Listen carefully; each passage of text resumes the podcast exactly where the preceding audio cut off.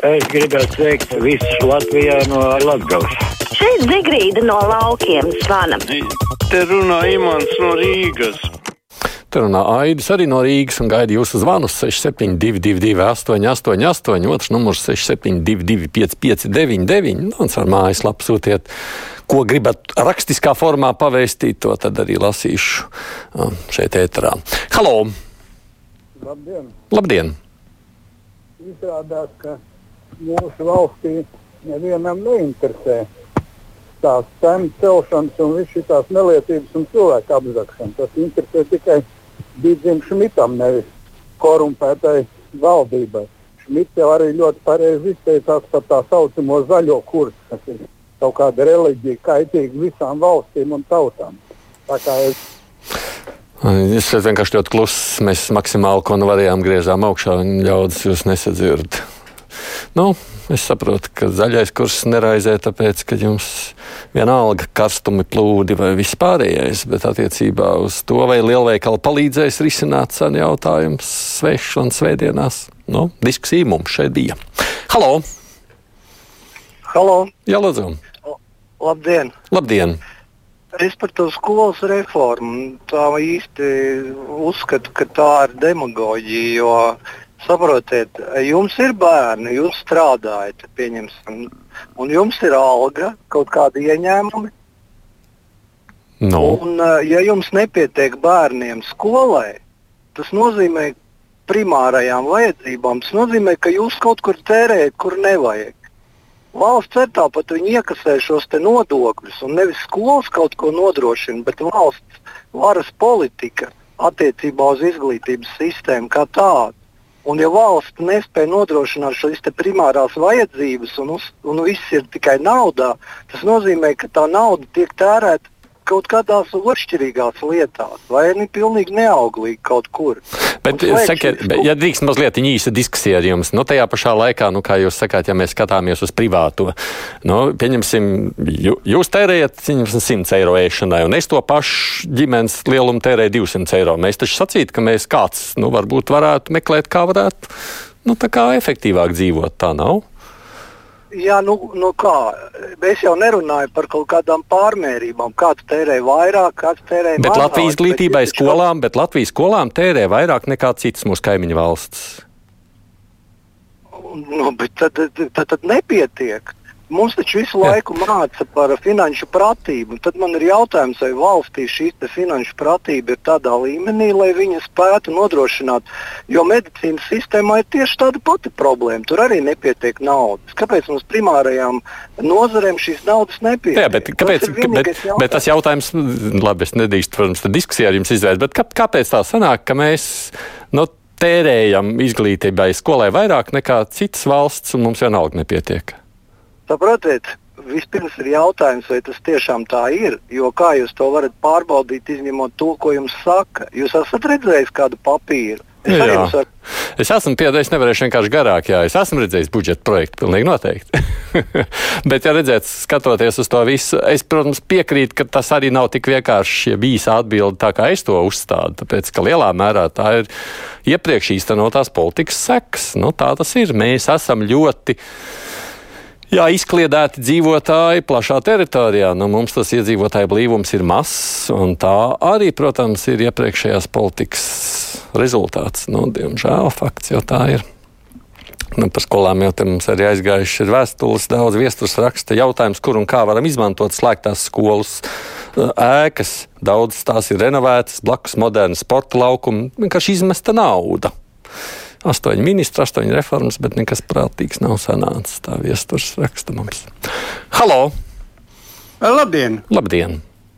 Uh, nu, būs tā jauna programma kopēji Krievu un Latviešu plūsmām. Ja? Bet Krievi mācās 11 gadus, Latviešu 12. Bet kā tad būs tad, tas mācības? Cik, cik gados notiks tā vidējā izglītība? Vai, vēl jopro, vai, tā, vai, vai tad joprojām ir tā, kā jūs sakāt, vai jūs vēl no padomju laikiem to atceraties? Bet laikam visu laiku tā bija līdz šim. Interesanti, cik kurā vietā, cik klases mums ir šobrīd palikuši, kādas īstenības programmas mēs te realizējam. Mm, sveiki, zē nozīmē zaudētāji. Sānaks Tozelkungs par pado, ne, Krievu simboliku. Halo! Labdien! Labdien! Šodien man ļoti patika raidījums, kā labāk dzīvot par tiem suņu turēšanu. Mm -hmm. Tūkstošiem gadu suņi ir turēti uh, kā aizsardzības līdzeklis, kā, kā kuram pie ķēdes. Tagad grupa cilvēki ir izdomājuši, ka uh, tā ir um, dzīvnieku mocīšana. Uz laukiem nevar sav, uh, savādāk. Suņi ir jātura. Un, uh, Sakiet, uh, kungs, es šodien ar visiem strīdos, bet tūkstošiem gadu mēs esam lietojuši vergus, jo tā citādāk nevarēja. Nu, taču bija slikti, nebija, vai ne? Jūs negribētu būt vergs? Nerunāsim par vergiem. A, Runāsim kāpēc? par A, kāpēc? Ne? Jo, ja mēs skatāmies uz tūkstošu gadu vērtībām, No, kuri, no kura laika suns atšķiras eh, kā dzīvnieks no kazas? Kazu var pie ķēdes turēt, suni nevar. mm. Nu, uh, labi. Es zinu, ka es te nevaru izvērst diskusiju. Brīvais mikrofons man vienkārši šodien paprovocējāt, piedodiet, es centīšos laboties. Zemnieki atkal bļauj, ka nebūs rāža, nebūs ko dos teikt ganāmpulkiem, vajag kompensācijas, raksta Gustavs. Varbūt beidzot sapratīs, ka šis jau ir tas globālās klimata izmaiņas, par kurām mēģina iestāstīt zaļie. Ja jūs zemnieki tam negribat ticēt, pat mūsu zemkopības ministrs saka, ka tas ir izdomājums, nu tad jau taču viss ir kārtībā. Halo! Labdien! Labdien!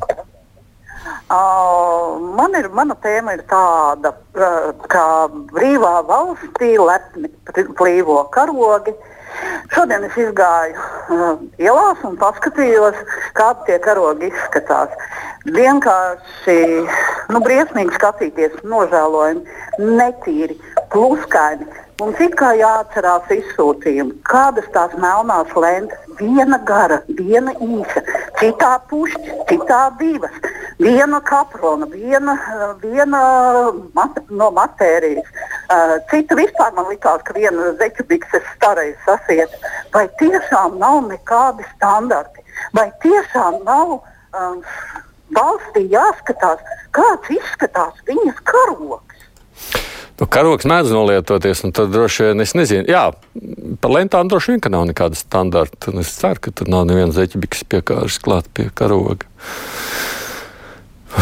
Nu, mājās, nē, man liekas, ka man ir labs karogs. Es tā domāju, es joprojām. Īsnībā jūs iziesiet domlaukumā, secināsiet, ka te vēl cita valsts, te citi karogi plīvo. Kino top domlaukumā. Es pat ar zinkāri nopētīju tur viens karogs. Sakiet, lūdzu, vai Latvijas televīzija ir sniegusi skaidrojumu saimnes komisijai par pētējas neizmantošanu hokeja sagaidīšanas laikā un kādi ir tie secinājumi, prasa Rodrigo. Tā vietā, lai būtu bijis kvalitatīvi atspoguļots te vai nacionāls nozīmes pasākums, bija vien nemākulīgi un nekvalitatīvi kadrējumi ar trīcošām kamerām un totāliem signālu pārāvumiem. Jā, labs jautājums. Es ceru, ka man kolēģi gan jau no ziņdienas skaidros, kurā brīdī tas paskaidrojums ir sniegts un kāds tas ir. Jā, es domāju, jautājums vietā no Rodrigo. Halo! Labdien! Labdien! Man pavisam tāds parasts jautājums. Jā. Es stāvēju vakar pie pieturas vecnogrāvī un domāju, man es aizmirsu pulksteni mājās, un mājās lādējās mobilais, un es gribēju zināt, cikos nāk autobusi. Autobus ļoti, ļoti vēl tagad nāk, bet es jau nevarēju neko salīdzināt. Bet agrāk pretī pie veikala vētra bija gan termometrs, gan uh, pulkstenis. Varēja vienmēr zināt, cik ir pulkstenis. Tagad, kad ir imī, nekur nav. Vispār Rīgā es saprotu tikai pie stācijas un pie laimes. Laimes pulkstenis vairāk nav. Agrāk bija tik daudz pulksteņu virs lielveikaliem. Vācijā, kad es biju, tur ir katrā mazpilsētā desmitiem pulksteņu visās vietās.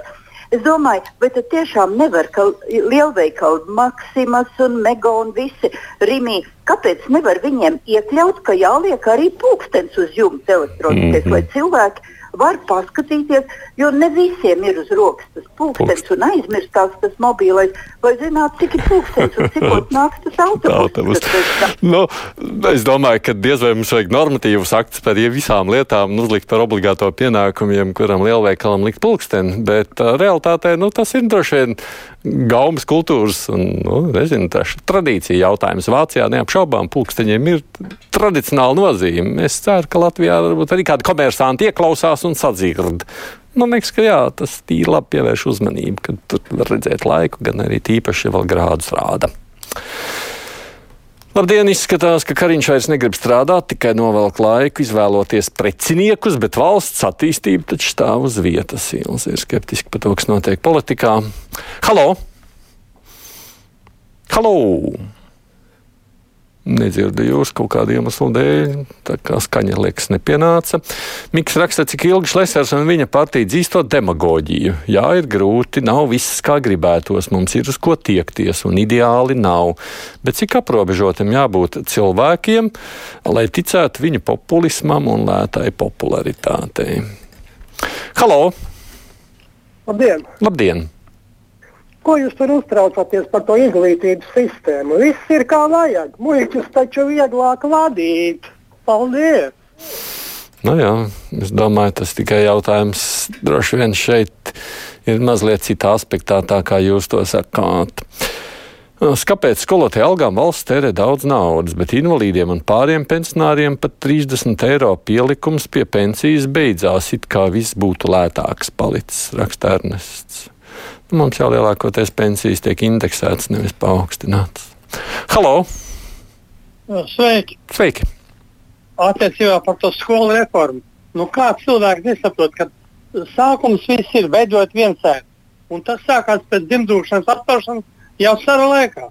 Ļoti intensīvi uh, viensēds sāk veidoties pēc uh, brīvības cīņām. 20. gada, 21. gadā, un Latvija bija pilna ar viensētām, kuras izmantoja nu, roku darbu spēku, zirdziņš un tā tālāk.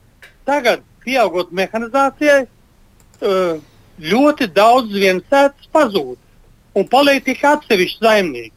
Un tagad tiem bērniem nu, ir tā problēma tikt uz skolu, jo agrāk bērni bija daudz un skola bija normāla.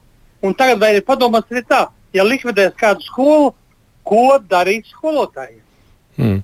Nu, skolotāju trūkums mums gan ir, bet, nu, kā jau jūs dzirdējāt, ierakstā ne jau visi grasās braukt tur kaut kur tālāk uz nu, 40 km uz darbu. Gan, nu, jā, var atrast uz vietas. Protams, tā ir laba lieta. Protams, ka Krievijas skolas mācās arī 12 gadus raksta mums klausītājs Ija. Halo! Jā, labdien! Labdien! Es gribēju parunāt par pulksteņiem. Jā. Nu, cilvēkiem tagad tāds ieradums ir uh, visi mobilajā.